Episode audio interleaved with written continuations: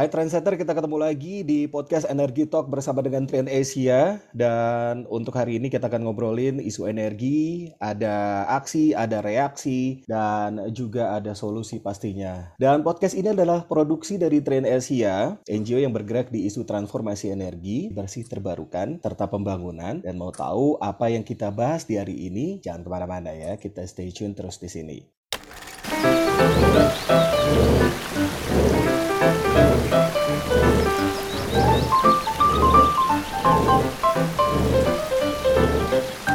Bersama saya Aldi Putra di hari ini, di hari yang tidak menentu ini, kadang hujan, kadang panas gitu ya. Kita akan membahas tentang krisis iklim yang memang sudah menjadi isu puluhan tahun ini, tetapi banyak yang tidak peduli, banyak yang tidak sadar apakah memang ini krisis iklim atau memang ini hanya perubahan biasa. Mungkin ada pengaruh dengan badai La Nina dan juga yang lain-lain ya. Kita akan ngebahas ini barengan sama Melissa Kuara. Dia adalah aktivis Extinction Rebellion Indonesia. Hai Mel. Hai. Mel, kita ngobrolin soal krisis iklim. Tapi awalnya kita akan nanyain dulu, semengkhawatirkan apa sih Mel?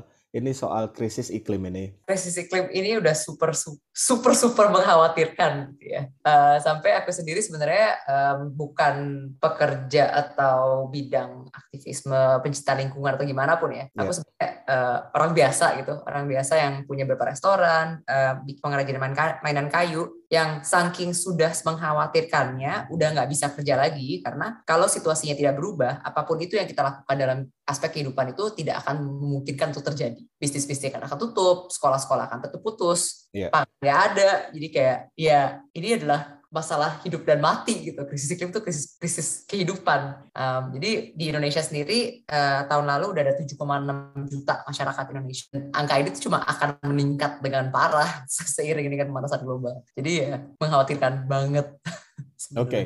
kalau bisa dibilang ini sudah sangat mengkhawatirkan. Begitu juga dengan Presiden Jokowi bilang ini juga sangat mengkhawatirkan. Tetapi dari langkah pemerintah, apakah memang juga sudah sesignifikan itu, Mal, untuk mengatasi krisis iklim ini? Aduh, kalau kita ngomongin itu bisa panjang sebenarnya uh, tapi paling sebelum terlalu dalam gitu ya pemerintah itu yang aku bilang biasanya salah masih menuju ke arah yang salah kita masih diajak berlari ke jurang kehancuran ekologis dan keruntuhan sosial jadi benar-benar kayak udah jelas nih sainsnya kita hmm. harus mengurangi pemanasan karena sekarang aja tuh parah banget kan makin lama hmm. makin panas buminya makin parah bencananya makin sintik keadaan kehidupan kita gitu. jadi yang sekarang uh, harus dilakukan adalah mengurangi emisi dari sekarang juga untuk okay. jaga pemanasan globalnya enggak terlalu gila dan malah harusnya mendinginkan gitu kan. Nah, hmm. yang dilakukan pemerintah sekarang malah masih digas terus aktivitas dan arah pembangunan yang memperburuk situasi. Jadi apakah sudah cukup gitu uh, uh, aksi pemerintah untuk merespons terhadap kegentingan situasi? Enggak, karena masih berlari ke arah yang salah. Oke, okay, berlari ke arah yang salah, tetapi bagaimana dengan masyarakat sendiri? Apakah memang masyarakat juga sadar bahwa ini sudah terjadi krisis iklim sudah beberapa dekade belakangan ini dan juga ini juga sudah jadi isu dunia. Kalau yang paling dekat sama masyarakat, Mel, apa yang bisa dirasakan sendiri? Uh, sebenarnya udah banyak banget ya dampak-dampak krisis iklim yang kita rasakan sehari-harinya tapi mungkin belum dikaitkan dengan krisis iklim. Jadi dampak yang paling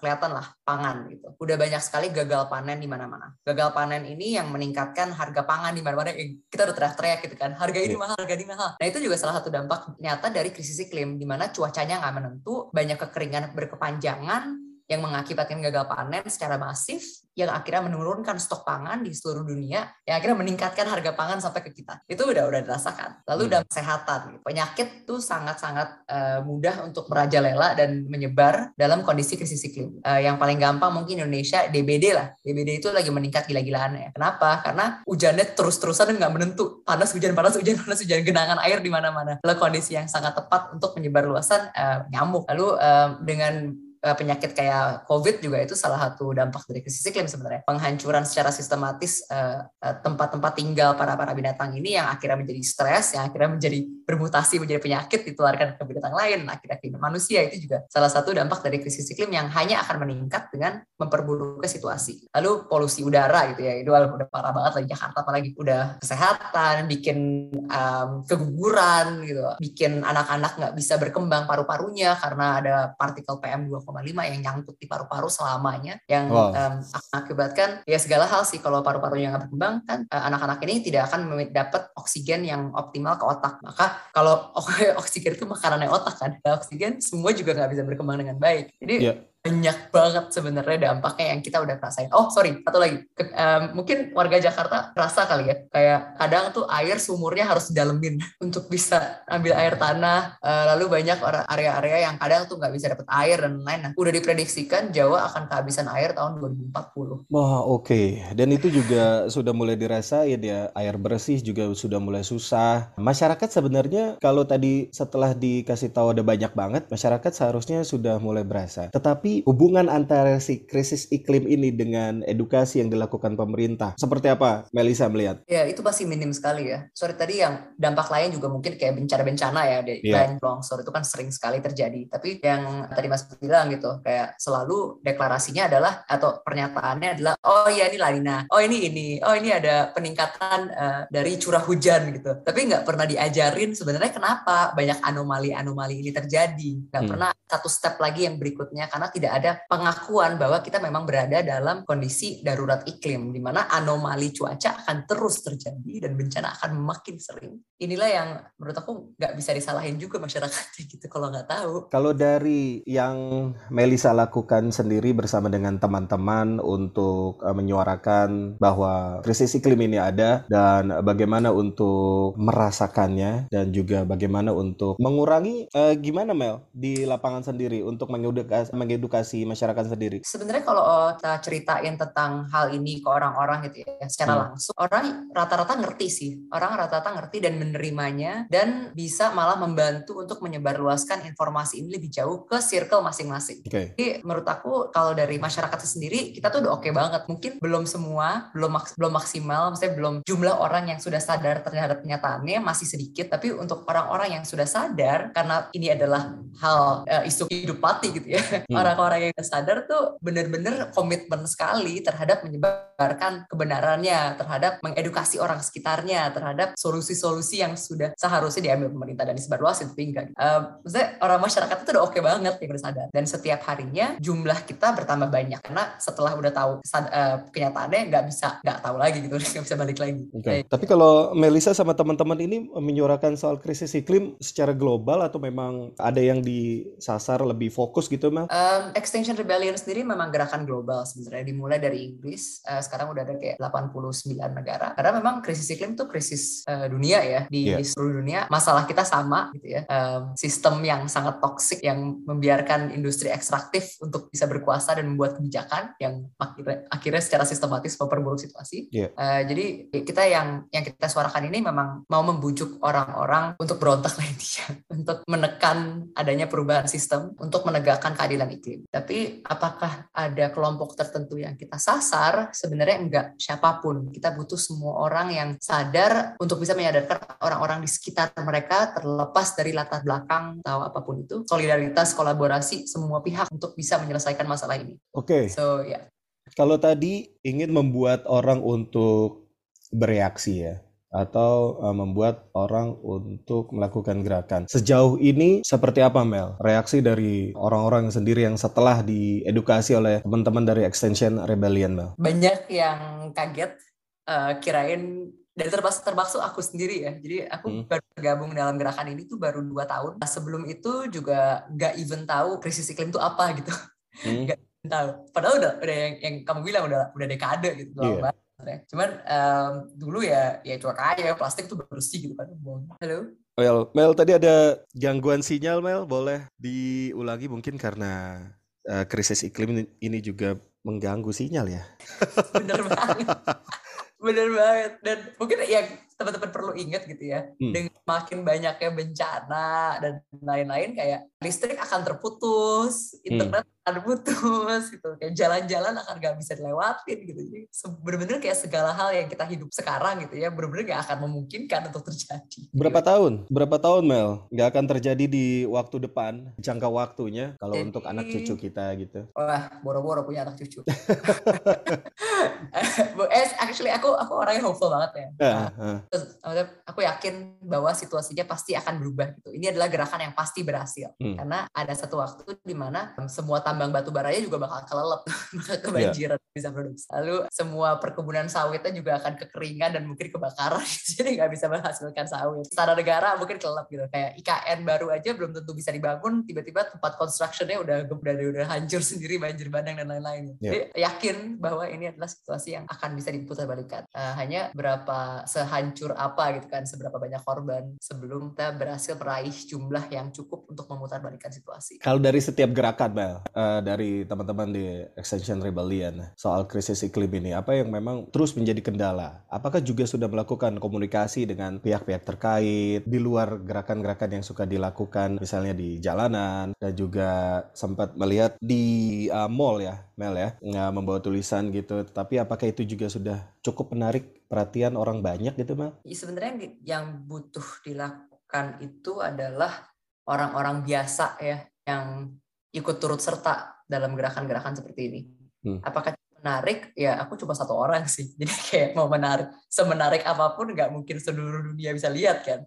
Um, jadi memang yang namanya gerakan dan perubahan sistem gitu ya, perubahan besar itu terdiri dari kumpulan energi-energi orang-orang biasa yang kecil-kecil, aksi-aksi kecil-kecilan yang lalu tergabung menjadi momentum besar untuk berhasil membawa perubahan itu sendiri. Jadi um, mungkin aku kayak saat aku ke mall gak ada gunanya gitu, tapi kalau satu juta orang ke mall tiap kali ke mall bawa signage, lalu uh, dengan mudahnya itu akan membentuk opini publik yang lalu akan uh, mendorong adanya perubahan kebijakan publik karena di saat itu para pemangku kebijakan tidak bisa abai lagi. Oke, okay. bagaimana dengan generasi muda Mel? Dengan situasi seperti ini dengan generasi dan juga daya tangkap yang memang sudah berbeda gitu terhadap pemerintahan sekarang. Apa yang Melisa lihat sendiri gerakan-gerakan dari uh, anak muda ini Mel, apakah juga sudah mulai ada yang tertular untuk mengawasi krisis iklim ini? Yang aku lihat sih mulai banyak ya. Uh, hmm. Apakah cukup? Mungkin belum atau belum terkonsolidasi tepat. Jadi uh, sebenarnya ada teori, bukan teori sih, uh, hmm. gitu ya, uh, di mana sejarah membuktikan hanya dibutuhkan tiga setengah persen dari populasi setempat untuk terus menyuarakan uh, menuntut keadilan perubahan sistemis terus menerus melalui aksi langsung tanpa kekerasan dan ini akan berhasil membawa perubahan 100% gitu. Bahkan bisa menggulingkan kediktatoran yang brutal. Nah, Indonesia anak muda khususnya itu tuh banyak banget yang aware yang kamu bilang tadi kayak tentang soal politik, soal hmm dan sistemis. Gitu. Tapi yang sekarang terjadi itu arahnya atau angle-nya masih berbeda-beda, masih sangat fragmented dan uh, masih yang menyuarakan tentang krisis iklim itu masih relatif sedikit dibandingkan dengan jumlah totalnya. Meskipun krisis iklim itu adalah krisis keadilan sebenarnya kan. Karena adanya ketidakadilan dari segi gender, dari segi HAM, dari segi uh, lingkungan masyarakat adat, makanya bisa terjadi krisis iklim. Jadi PR kita sebagai anak muda itu adalah bagaimana kita bisa bersolidaritas totalitas, bagaimana kita bisa menggabungkan kekuatan kita melawan ketidakadilan sistemis ini menjadi satu kesatuan demi kepentingan kita bersama untuk kelangsungan hidup kita bersama. Dan kebetulan karena krisis iklimnya udah parah banget dan udah mepet banget gitu ya, dan um, makin ya mirisnya makin banyak bencananya, makin banyak kesadarannya gitu. Hmm. Uh, jadi aku lumayan hopeful sih bahwa generasi muda ini yang memang akan paling terdampak paling parah gitu ya uh, akan bisa menggabungkan kekuatan melalui solidaritas totalitas uh, untuk mendorong perubahan sistemis ini. Kalau di Jakarta sendiri Mel, gerakan-gerakan seperti ini di samping teman-teman dari Extension Rebellion ini Melisa lihat apakah memang sudah cukup masif untuk menyuarakan soal krisis iklim ini di Jakarta? Kurang banget ya sebenarnya. uh, tapi semuanya adalah proses dan progres. Banyak perbaikan atau peningkatan sebenarnya dari jumlah orang, dari exposure media, dari uh, bahkan brand-brand yang mau ngomongin. Ya kita bisa lihat ada dari politisi-politisi yang mau terpaksa ngomongin krisis iklim hmm. itu berarti memang sudah ada kemajuan. Tapi masih sangat kurang dan ini mungkin sekalian ajakan sih. Ini kita nggak ada superhero ya di dunia ini dan memang keadaannya miris banget dan jangan nunggu bencananya terjadi duluan ke kamu karena itu udah akan sulit gitu. Karena keadaannya sudah sudah miris dan kita butuh bantuan semua orang, jadi ayo gitu. Mendingan kita kerja keras dulu sekarang, memastikan kita punya kehidupan daripada nanti nangis-nangis sendiri, terus penyesalannya datang terlambat, terus kita udah kehilangan segala hal, lalu kayak oh should have done that ya, yeah, um, too late gitu. Jadi memang kita masih sangat butuh bantuan semua orang untuk menyebarluaskan eh, menyebarluaskan kebenarannya dan mengajak semua orang yang kita kenal untuk ikut dalam gerakan ini. Mel, tapi apa yang bisa dilakukan? Sesimpel apa masyarakat untuk uh, melakukan penghambatan krisis iklim ini? Sebenarnya kalau untuk menunda krisis iklim kita bisa lihat dari dua sisi, hmm. uh, dari sisi perubahan gaya hidup individu atau perubahan sistem. tapi kalau kita mau tahu apa yang sebenarnya situasi udah sangat parah, jadi mendingan dilakukan dilakukan dari segala arah di individu uh, jelas kayak gak usah menghambur-hamburkan gaya hidup dengan belanja gila-gilaan gitu melihat pembelian kita sebagai kebutuhan bukan keinginan gitu ya yeah. Iya. lalu uh, tidak menyisakan makanan mengkompos di rumah uh, tidak menggunakan plastik sekali pakai dan lain-lain kita harus ingat yang kita butuhkan sekarang karena sistem udah sudah parah banget adalah perubahan sistem. Nah, perubahan sistem ini yang akan terjadi kalau kita bisa menggiring opini publik. Bagaimana hmm. kita menggiring opini publik dengan menyuarakan tuntutan kita secara luas, secara vokal, secara publik. Gitu. Uh, dan ini nggak harus hanya turun ke jalan ya. Jadi bisa yeah. juga membuat kajian, membuat webinar, bikin karya seni, ngobrol ke orang-orang tongkrongan, kalau punya koneksi ke orang-orang di pemerintahan ngomong ke mereka gitu untuk bisa mendorong kesadaran kolektif bahwa A, situasi memang sudah sangat darurat, B, eh, kita butuh perubahan sistem pendeklarasian darurat iklim melampaui politik karena sekarang eh, pembuatan satgas khusus atau apa pun itu balai masyarakat misalnya untuk bisa mengeluarkan kebijakan yang eh, sesuai dengan keadaan sekarang yang tidak tercemari oleh konflik kepentingan industri ekstraktif yang masih duduk di DPR dan kementerian. Jadi untuk menuju ke sana uh, caranya ya bebas aja kayak posting di Instagram, ngobrol ke orang sekitar, yang tadi kayak uh, support apa pun itu yang memang menuju ke sana atau membeberkan tentang ketidakadilannya atau ketidakbijakannya gitu biar biar viral lah intinya. Tapi kalau orang juga bisa berpendapat bahwa di kita ini kan lagi terbagi dua ya antara uh, suara netizen dan suara-suara lainnya. Ada orang berpendapat uh, aktivis uh, aktivis itu kan cuma bisa bersuara ya. Apa solusi yang ditawarkan kepada pemerintah atau pihak-pihak terkait soal ini? Apa yang sudah sudah pernah dilakukan Mel oleh teman-teman? Wah, aku nggak percaya sih kayak aktivis cuma bisa bersuara gitu ya. Aktivis hmm. melakukan banyak hal dan aktivis itu datang dari banyak sektor dan berbagai pihak. Jadi misalnya ada aktivis iklim yang memang memasang panel surya di mana-mana gitu dan memberikan uh, ini ada roadmap terhadap bagaimana kita bisa transisi energi yang sebenarnya gitu. Hmm. Uh, jadi banyak banget sebenarnya solusi-solusi yang sudah diberikan, sudah dikaji, sudah disebarluasin, tapi tidak di, tidak juga diambil. Dan contohnya kayak aktivis-aktivis di tingkat tapak gitu yang melakukan pertanian berkelanjutan, composting center, tapi pemerintah malah uh, melakukan kebalikannya, bangun food estate gitu. Dan itu butuh bersuara gitu. Yang kita butuh terus-menerus membeberkan kebenarannya bahwa food estate itu tuh nggak bijak untuk dilakukan untuk ketahanan pangan misalnya di situasi krisis iklim. Jadi menurut aku nggak harus milih ya, misalnya nggak harus milih apakah mau bersuara atau mau aksi langsung tapi diem aja, ya lakukan aja semua gitu. Hmm. Dan dari aku pribadi juga meskipun aku turun ke jalan dan menyuarakan hal ini, aku banyak banget proyek di samping yang bangun uh, panel surya di desa mana, uh, penanaman sorghum di desa mana. Lu masih okay. makan daging, nggak usah ngomong tentang krisis iklim lalu. Suara yang disampaikan di jalanan dan juga suara yang uh, sudah masuk ke dalam sistem. Apa yang membuat pemerintah ini terkesan tidak peduli atau tidak mendengar suara-suara dari aktivis lingkungan ini soal krisis iklim? Ya, simpelnya konflik kepentingan. Um, jadi di seluruh dunia itu konflik kepentingan jelas ya kelihatan gitu. Uh, bukan di Indonesia aja. Jadi di COP26 hmm. terakhir itu delegasi terbesar yang hadir di COP26 adalah uh, pemain industri fossil fuel gitu. Jadi uh, daripada negara-negara lain. Jadi kayak ya istilahnya uh, yang apa namanya kayak bikin konferensi HAM tapi yang datang orang Nazi gitu. Jadi emang nggak konflik kepentingannya keras banget lah. Dan di iya. Indonesia itu lebih kental lagi. Jadi di luar negeri mungkin melalui lobby-lobby gitu ya. Tapi kalau di Indonesia eh, orang-orang yang duduk di kementerian orang-orang yang sorry bukan duduk di kementerian menterinya itu pemain tambang gitu. 16 dari 30 menteri kabinet sekarang adalah pemain tambang 55% dari DPR punya latar belakang pebisnis. Bisnisnya apa? Infrastruktur, batu bara, eh, pertambangan, monoculture plantation. Jadi memang secara langsung orang-orang yang membuat keputusan terhadap aksi iklim dan lain-lain bertolak belakang dengan apa yang kita butuhkan gitu. Bisnis mereka bertolak belakang dengan apa yang kita butuhkan. Jadi kalau orang-orang itu yang membuat eh, keputusannya, nggak mungkin mereka bisa mengeluarkan kebijakan yang memperburuk bisnis mereka sendiri kan. Kembali ke uh, krisis iklim, bagaimana dengan uh, mitigasi dari pemerintah sendiri uh, soal bencana ataupun nanti uh, apa yang terjadi di depan nanti? Apakah memang Indonesia ini sudah siap? Karena kalau dilihat Indonesia ini menganut sistem uh, bukan antisipatif tapi reaktif. Jadi nunggu dulu setelah terjadi ini baru melakukan sesuatu bukan mengantisipasi sebelum terjadi. Seperti apa Mel? Melihat Mel? Kayak pandemi ya. Awal-awal malah nggak percaya. Udah banyak baru berasa ya. Panas sih bang. Um, ya padahal kita punya peribahasa ya mengobat, eh, mencegah lebih baik daripada mengobati, tapi nggak pernah hmm. nggak pernah diterima. Uh, jadi mitigasi ya. Jadi mitigasi kita tahu mitigasi yang dibutuhkan adalah pengurangan emisi. Kita butuh mengurangi emisi sampai titik net zero secepat mungkin.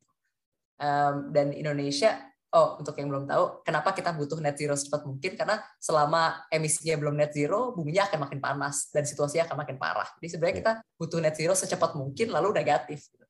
Nah, Indonesia net zero-nya masih 2060. Jadi kayak ya kiamat dulu deh baru kita akan memperbaiki situasi gitu. Lalu juga um, yang harusnya menurunkan emisi uh, mungkin teman-teman sering dengar ya kayak penurunan emisi 29% di tahun 2030 atau 41% dengan bantuan internasional. Nah, yang mungkin belum banyak ah mengerti ini tuh cuman akunting akrobat sebenarnya angka yeah. Iya. 29% ini itu sebenarnya masih ada peningkatan emisi dari yang sekarang. Cuman yang uh, yang dilakukan oleh pemerintah adalah meningkatkan dasar tahunnya dulu. Jadi yang disebut business as usual. Jadi uh, angka emisi ini dinaikin banyak dulu, baru diturunin 29% dari angka hayalan ini. Terus kayak, eh tuh kan kita turun. Tapi kalau kita lihat dari angka sekarang sebenarnya masih naik. Jadi kita sama sekali belum menurunkan emisi. Jadi ya, kita bukan bukan hanya minim mitigasi, melainkan kita masih memper, secara aktif memperburuk situasi. Kalau dari kesiapan sendiri, eh, net zero juga 2060, berarti normalnya seharusnya Indonesia ini harus meng, uh, mengejar ini tahun berapa, Mel? Kalau di IPCC sebenarnya bilangnya itu 2050 kan. Uh, tapi kalau Extinction Rebellion bilangnya 2025. Oke, okay, uh, sedikit yang, lagi ya. yang perlu diingat sebenarnya secepat mungkin sih. Jadi jangan terlalu terpaku oleh angka tahun hmm. apa gitu. Karena itu uh, memberikan kesempatan bagi pemerintah untuk mencuci tangan, untuk dia ngelempar tanggung jawabnya ke pemerintahan yang berikut. Oh, masih nanti, ntar kita pikir nanti aja. Jadi kita yang butuhkan itu adalah uh, rencana konkret pengurangan emisi yang terikat secara hukum tahunan dari sekarang, dari hmm. sekarang juga. Jadi nggak ada lagi ruang untuk Eh, meningkatkan kerusakan alam, meningkatkan produksi batu bara jelas gak ada yeah. Iya. PLTU baru gitu kayak sinting-sinting gitu udah harus hilang. Sekaligus ajakan dan juga pesan bagi pemimpin di negara ini soal krisis iklim apa yang ingin disampaikan Mel? Um, ini ya apa yang disampaikan sih sebenarnya tolong uh, berpikir lebih jauh tolong uh, harus ter kesampingkanlah ego masing-masing untuk sekarang. Ini adalah krisis seluruh aspek kehidupan termasuk keuntungan pribadi. Jadi yang aku bilang tadi kayak tambang yang kelelep juga nggak akan produksi. Jalan yang terputus nggak akan bisa mengoper-ngoper bahan olahan tambang dan lain-lain. Eh, masyarakat yang sibuk mengungsi dari titik A titik B yang akan mengais-ngais makanan dan air nggak akan bisa jadi konsumen kita nggak akan bisa beli apa-apa. Ekonomi pun akan terputus segala hal akan terputus. Jadi memang um, penting sekali untuk menyadari hal itu. Ini adalah krisis kita bersama. Makin lama dibiarkan akan makin parah situasinya. Jadi jangan nunggu sampai dipaksa berubah mendingan berubah dari sekarang. You can be a hero. Tapi intinya make some noise sih siapa pun itu di mana pun kita harus menyuarakan hal ini karena memang udah sangat-sangat darurat Terima kasih untuk Melisa Kuara dan Trendsetter dengarkan terus podcast Energi Talk bersama dengan Trend Asia. Saya Aldi Putra harus pamit. Kita ketemu lagi di episode podcast berikutnya.